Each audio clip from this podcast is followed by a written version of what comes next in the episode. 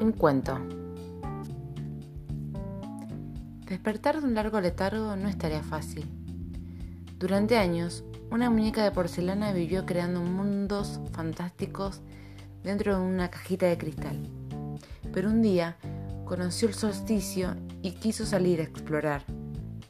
Agarró todos sus cuadernos, su pluma mágica y una campera para resguardarse del frío.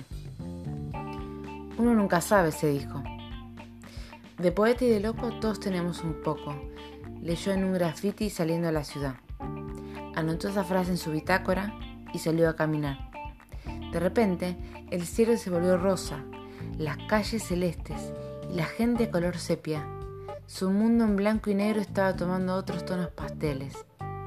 Salió corriendo hacia el puente que cruza el río, y allí, en el Milvio, donde los amantes tiran las llaves para prometerse amor eterno, ella tiró la suya, llave alada y de bronce, llena de deseos. El sol ya estaba naranja y debía regresar. Se hacía tarde.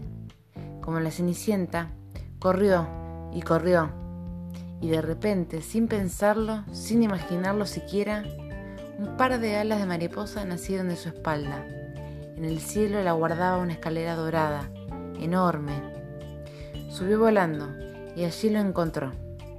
Su sueño hecho realidad. Finalmente, el universo quiso que ella brillara con su propia luz. Como dijo Frida Kahlo, pies, ¿para qué los quiero si tengo alas para volar?